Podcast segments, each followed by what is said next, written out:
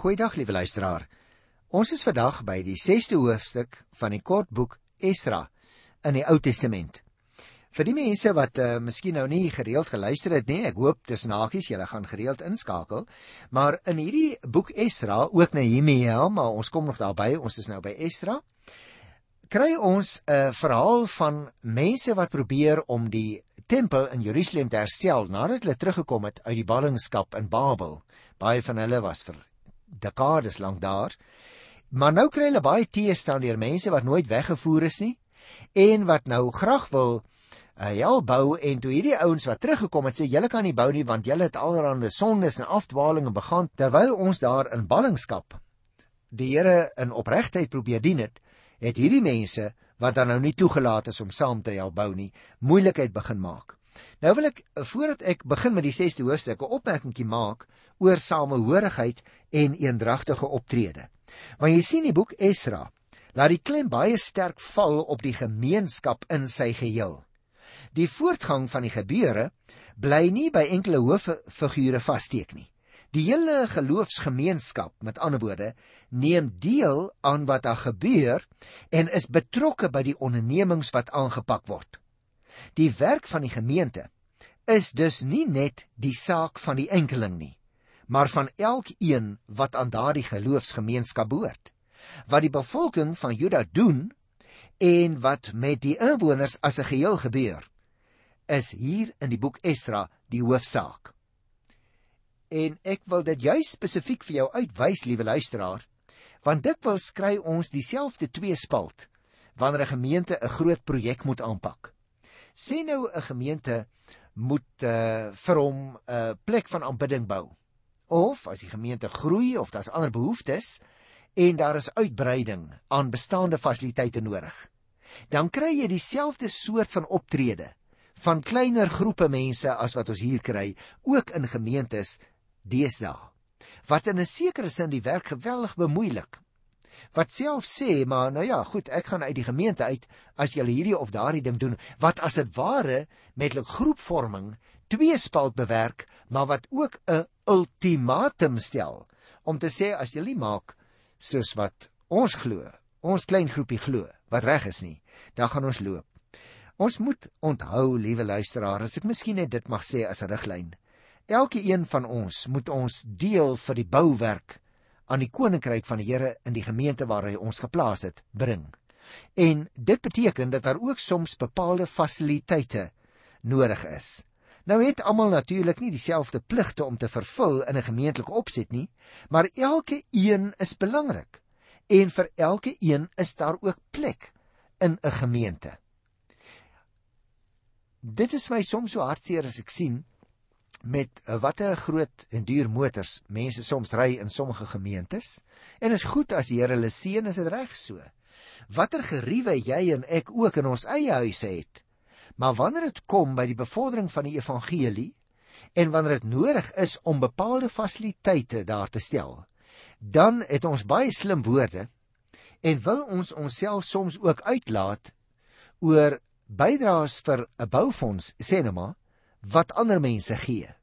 En ons maak dit net so moeilik as wat ons kan en ons belemmer onderlinge verhoudinge ook in hierdie verband.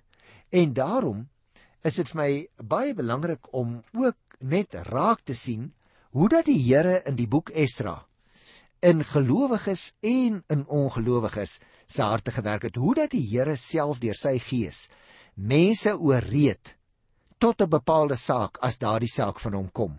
Jy sien 'n deurlopende tema in die boekie Esdra byvoorbeeld is juis wat gebeur het te danke daaraan dat God mense ooreed het en hulle gewillig maak om te doen wat hy as die Here wil hê. Hy het byvoorbeeld die Persiese konings ooreed om die ballinge te beveel om terug te gaan. Hy het die konings bereidwillig gemaak om geld te gee. Kan jy dit glo want hulle was heidene? Om die tempeldiens te kan hervat in Jerusalem. O, liewe luisteraar, die Here is wonderlik. Die Here het die Judeërs wat teruggegaan het, bereid gemaak om sy opdrag te gaan uitvoer en sy wil te doen. Al was die omstandighede in die stukkend gebreekte Juda van daardie tyd hoe moeilik. En daarom wil ek sê in daardie tyd, o ja, maar ook in ons tyd, al die eer kom aan God toe. Mense doen belangrike werk, dit is waar. Maar dit is God wat in hulle werk om dit te doen. Die Here verander harte destyds en ook nog vandag. En deur sy woord verander hy mense se gesindhede. Jy en ek moet ook gewillige instrumente in die Here se hande wees en ons moet doen wat hy aan ons opdra met die oortuiging dat hy deure vir ons sal laat oopgaan en self die vrug op ons arbeid sal gee. Nou kom ons lees so 'n bietjie verder, dan sien jy nog fasette in hierdie verband lees hier in Esra by die 6ste hoofstuk.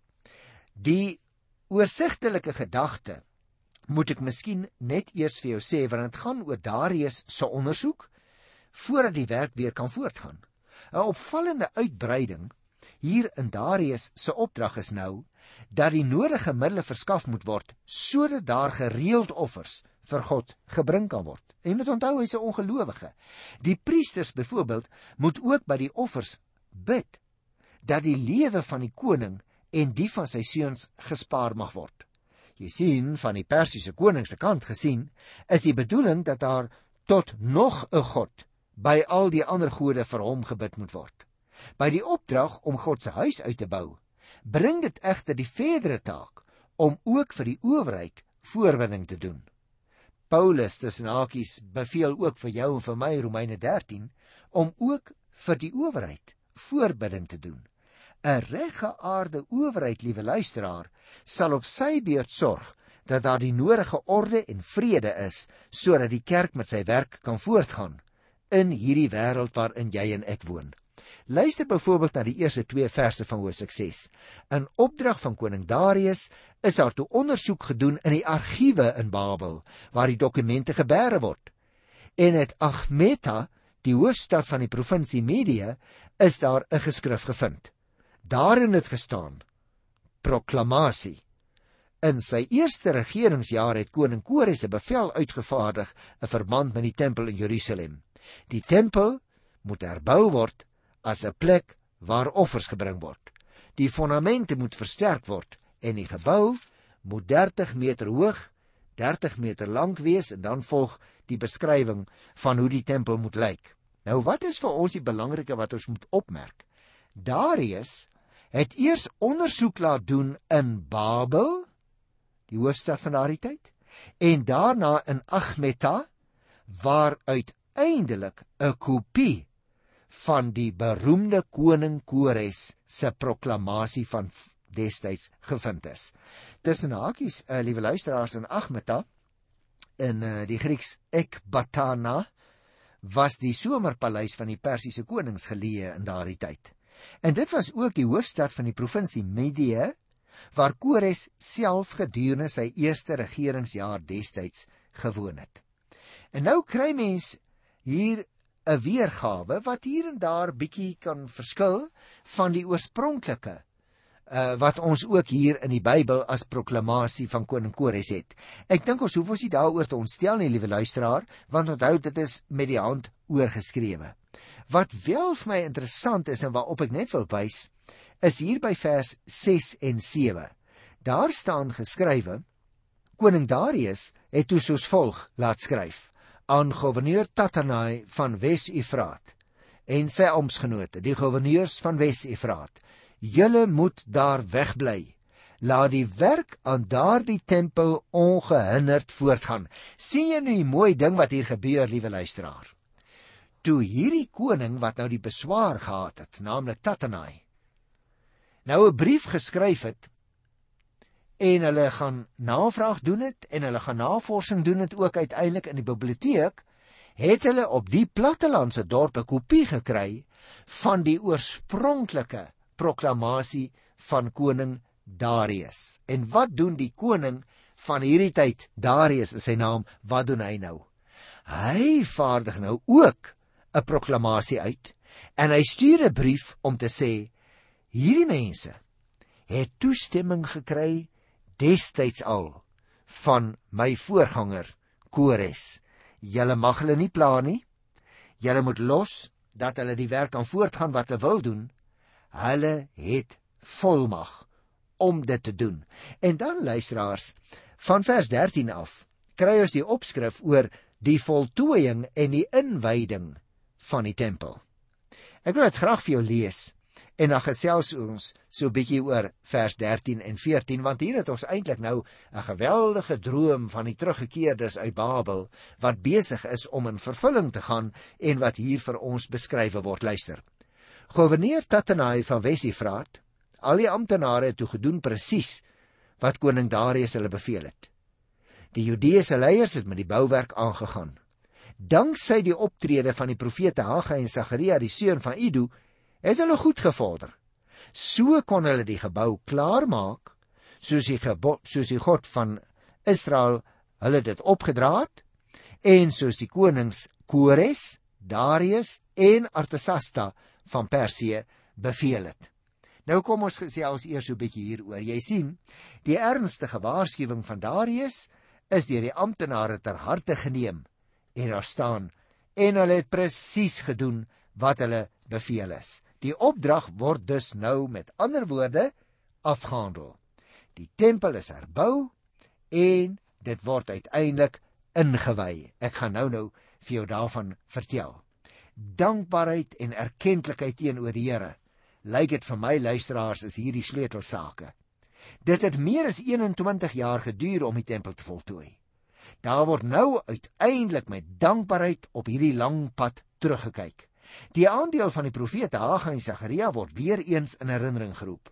Ook die Persiese konings, naamlik Kores en selfs Darius, wat eers later op die troon sou kom, word met erkenklikheid genoem as mense in wie se harte God gewerk het en deur wie die Here dit beskik het dat die tempel herbou kon word.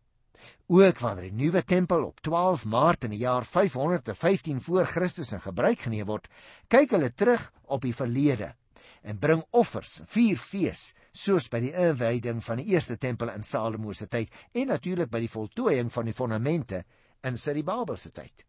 Nou goed, kom ons kyk so ietsie daarvan en van hierdie feesviering hierso by vers 15.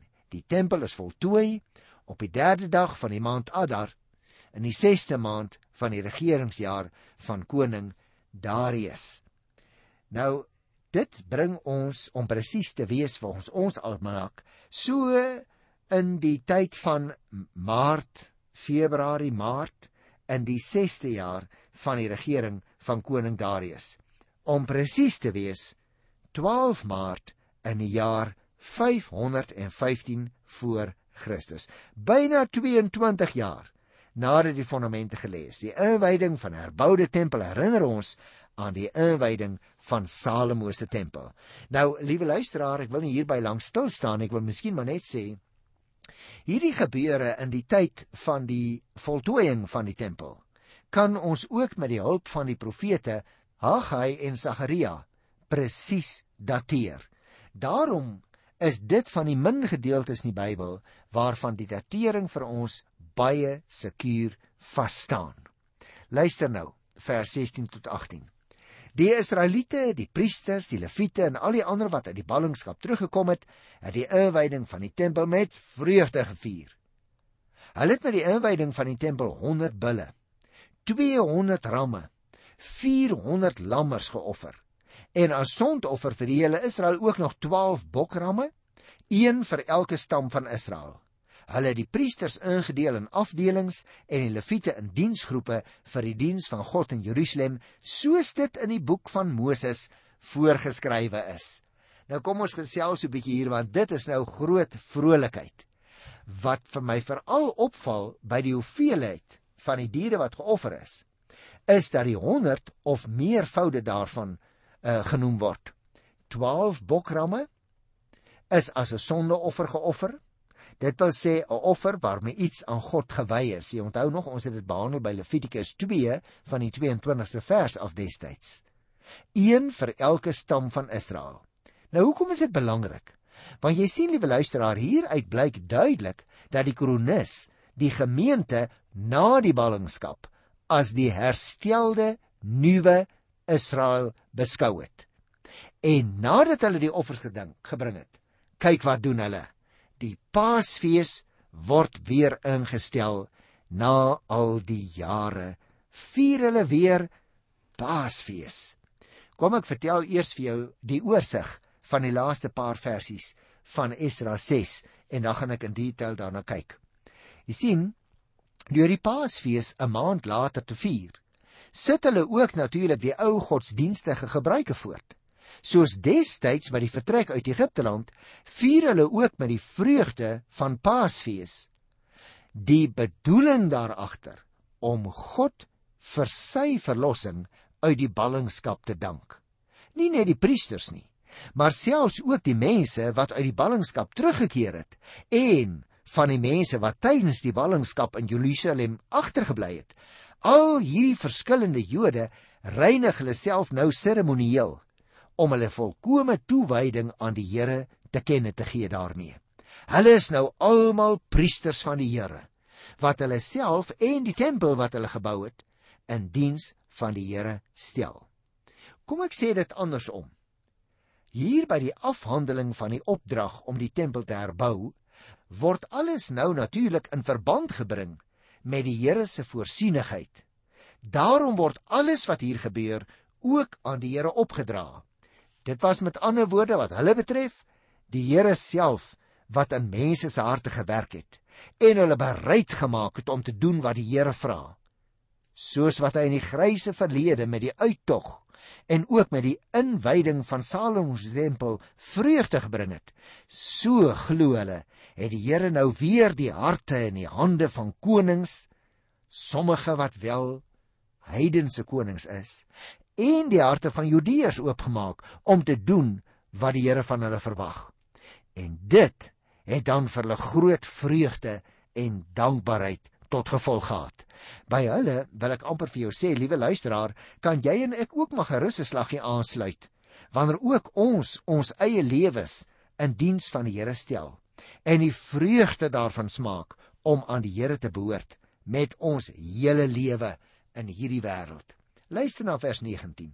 Die ballinge wat teruggekom het, die Paasfees gevier op die 14de van die eerste maand, vers 22. Die priesters en die leviete het hulle sonder uitsondering gereinig en almal was rein. Die leviete en die paas het die paaslam geslag en almal wat uit die ballingskap teruggekom het en vir hulle amptgenote die priesters en vir hulle self. Die paaslam is geëet en daardeur het die Israeliete wat uit ballingskap teruggekom het elkeen weer die onreinheid van hulle afgewas in die teenwoordigheid van die Here. Vers 22. Hulle het die fees van die ongesuurde brode geëet. 7 dae lank met vreugde het hulle dit gevier. Die Here het hulle die vreugde geskenk toe hy die gesindheid van die koning van Assirië teenoor hulle verander het en die hulle hande gesterk het in die werk aan die tempel van die God van Israel. Het jy opgemerk, liewe luisteraar, die Bybelskrywer lê nadruk op die feit dat die ballinge wat teruggekom het, die Paasfees gevier het. Op die datum, so weet ons, 21 April 515 voor Christus. En vir die reiniging van die priesters, dit is dat hulle hulle self met water moes was, kry mens die voorskrifte in Eksodus 29, ons het dit destyds behandel. So ek gaan nie daaroor praat nie, maar let op, die Paaslam word geslag vir die drie groepe waaruit die gemeente bestaan het. Dit wil sê die wat uit die ballingskap teruggekom het en dan tweedens is dit geslag vir die priesters en derdens vir die leviete. Nou vers 21 Wie mag deelgeneem het aan die Paasmaal? Aan die Paasmaal het deelgeneem, liewe luisteraar, die Israeliete wat deel was van die mense wat teruggekom het uit die ballingskap en ook tweedens elkeen wat hom van die onreinheid van die heidene in die land afgeskei het. Nou uh dit kan vir natuurlik verwys na die Judeërs wat nie in ballingskap weggevoer is nie en wat hulle nie aan die afgoderry van die omringende volkere skuldig gemaak het nie of dit kan miskien ook verwys na die proseliete. Dit wil sê mense wat uit die heidene gekom het, maar by die gemeente van die Here aangesluit het nadat hulle die verering van die heidense afgode afgesweer het. En aan die ander kant ook wat hulle natuurlik laat besny het. Jy moet gaan kyk in Eksodus 12 van vers 48 was dit die voorskrif vir mense wat uit die heidendom gekom het en natuurlik die God van Israel as die ware God erken het. Ons het met mekaar ook gepraat oor die verskillende feeste en dan ook onder andere oor die ongesuurde fees van die ongesuurde brode wat hier vermeld word. En daarom gaan ek dit nie nou weer doen nie. Nou liewe luisteraar, as 'n mens nou uiteindelik hierdie dinge lees en jy lees hoe hoog hulle die voorskrifte van die Here aangeslaan het, dan wil ek daarom baie graag hierso vir 'n oombliekie glip na die Nuwe Testament by 2 Timoteus. Ek dink jy ken die teks want ek wil graag hê ons moet almal hierdie teks uh, baie goed ken. Want in 2 Timoteus 3 by die 16de vers staan daar 'n teks wat in ons tyd nou weer baie in gedrang kom van mense wat nie die gesag van die Here se woord wil aanvaar nie. Ek lees dit vir jou by 2 Timoteus 3 vers 16. Die hele skrif is deur God geïnspireer en het groot waarde om in die waarheid te onderrig, dwaling te bestry, verkeerde reg te stel en die regte lewenswyse te kweek sodat die man wat in diens van God staan volkome voorberei en toegerus sal wees vir elke goeie werk. Nou hoekom lees ek dit? Nommer 1 omdat daar in ons tyd mense is wat weer die gesag van die Bybel nie wil aanvaar as die woord van die Here nie. Nommer wil ek graag vir jou daarop wys dat daar in die totstandkoming van die Bybel net soos in hierdie uh briefwisseling wat daar plaasgevind het waarvan ons lees in die boek Esdra. Net so was daar 'n hele wordingsgeskiedenis, as ek dit so mag noem, vir die totstandkoming van die Bybel. Kom ek vertel jou iets daarvan. Ongeveer so tussen 30 en 40 mense het geskrywe aan die Bybel soos wat ons hom vandag voor ons het. Daardie skryfwerk het plaasgevind oor 'n periode van ongeveer 1400 jaar. Dit wil sê dit was mense uit verskillende geslagte, mense uit verskillende lande, mense uit verskillende kulture en tale. Die punt is mense wat mekaar nooit eers ontmoet het of geken het nie. En tog, en tog liewe luisteraar, het hulle mekaar inhoudelik nooit weerspreek nie. Net soos in die briewe en proklamasies waarna die boek Esdra verwys wat ons op die oomblik behandel. Hier en daar 'n getalle verskil soms is. Hier en daar 'n klein stukkie inligting is wat bots met iets anders. En ons kry dit ook in die Bybel hoor. Is daar wat die sentrale inhoud van die Bybel, die groot boodskap van die Bybel wat handel oor God se liefde en aan die ander kant mense se sondigheid en ontrou, maar dat die Here hulle wil red. Dat daar geen wesenlike botsing is tussen hierdie verskillende komponente en boeke in die Bybel wat die sentrale boodskap betref nie. En daarom wil ek sê dit is nie vir ons 'n bewys noodwendig dat die Bybel waar is nie, maar dit is vir ons wel baie belangrik want ons aanvaar die boodskap as die waarheid selfs al sou daar hier daar 'n onderafdeling of 'n lettertjie of 'n syfer in die Bybeltjie sou voorkom wat met 'n ander syfer of lettertjie sou bots. En daarom, liewe luisteraar, vir ons aanvaar ons ook hier in ons program die Bybel vir vandag onvoorwaardelik die Bybel as die geïnspireerde woord van God. Aanvaar ons alles wat daarin staan, aanvaar ons ook dinge wat ons nie met ons verstand kan klaar verklaar nie, soos byvoorbeeld die opstanding uit die dood die Here Jesus se opstanding uit die dood en ook die uiteindelike opstanding van alle mense uit die dood waarvan daar vertel word in Johannes 5 vers 28 en 29. En daarom wil ek graag hê dat jy sal weet as jy na ons program luister, liewe luisteraar, dat ons die Bybel aanvaar. Ongeag van wat mense mag sê, as die woord van God wat geïnspireer is. En op daardie punt wil ek dan ook graag ons geselsie vir vandag uit die boek Esdra afsluit. Ek groet jou tot volgende keer in die wonderlike naam van Jesus Christus, die koning. Tot dan. Totsiens.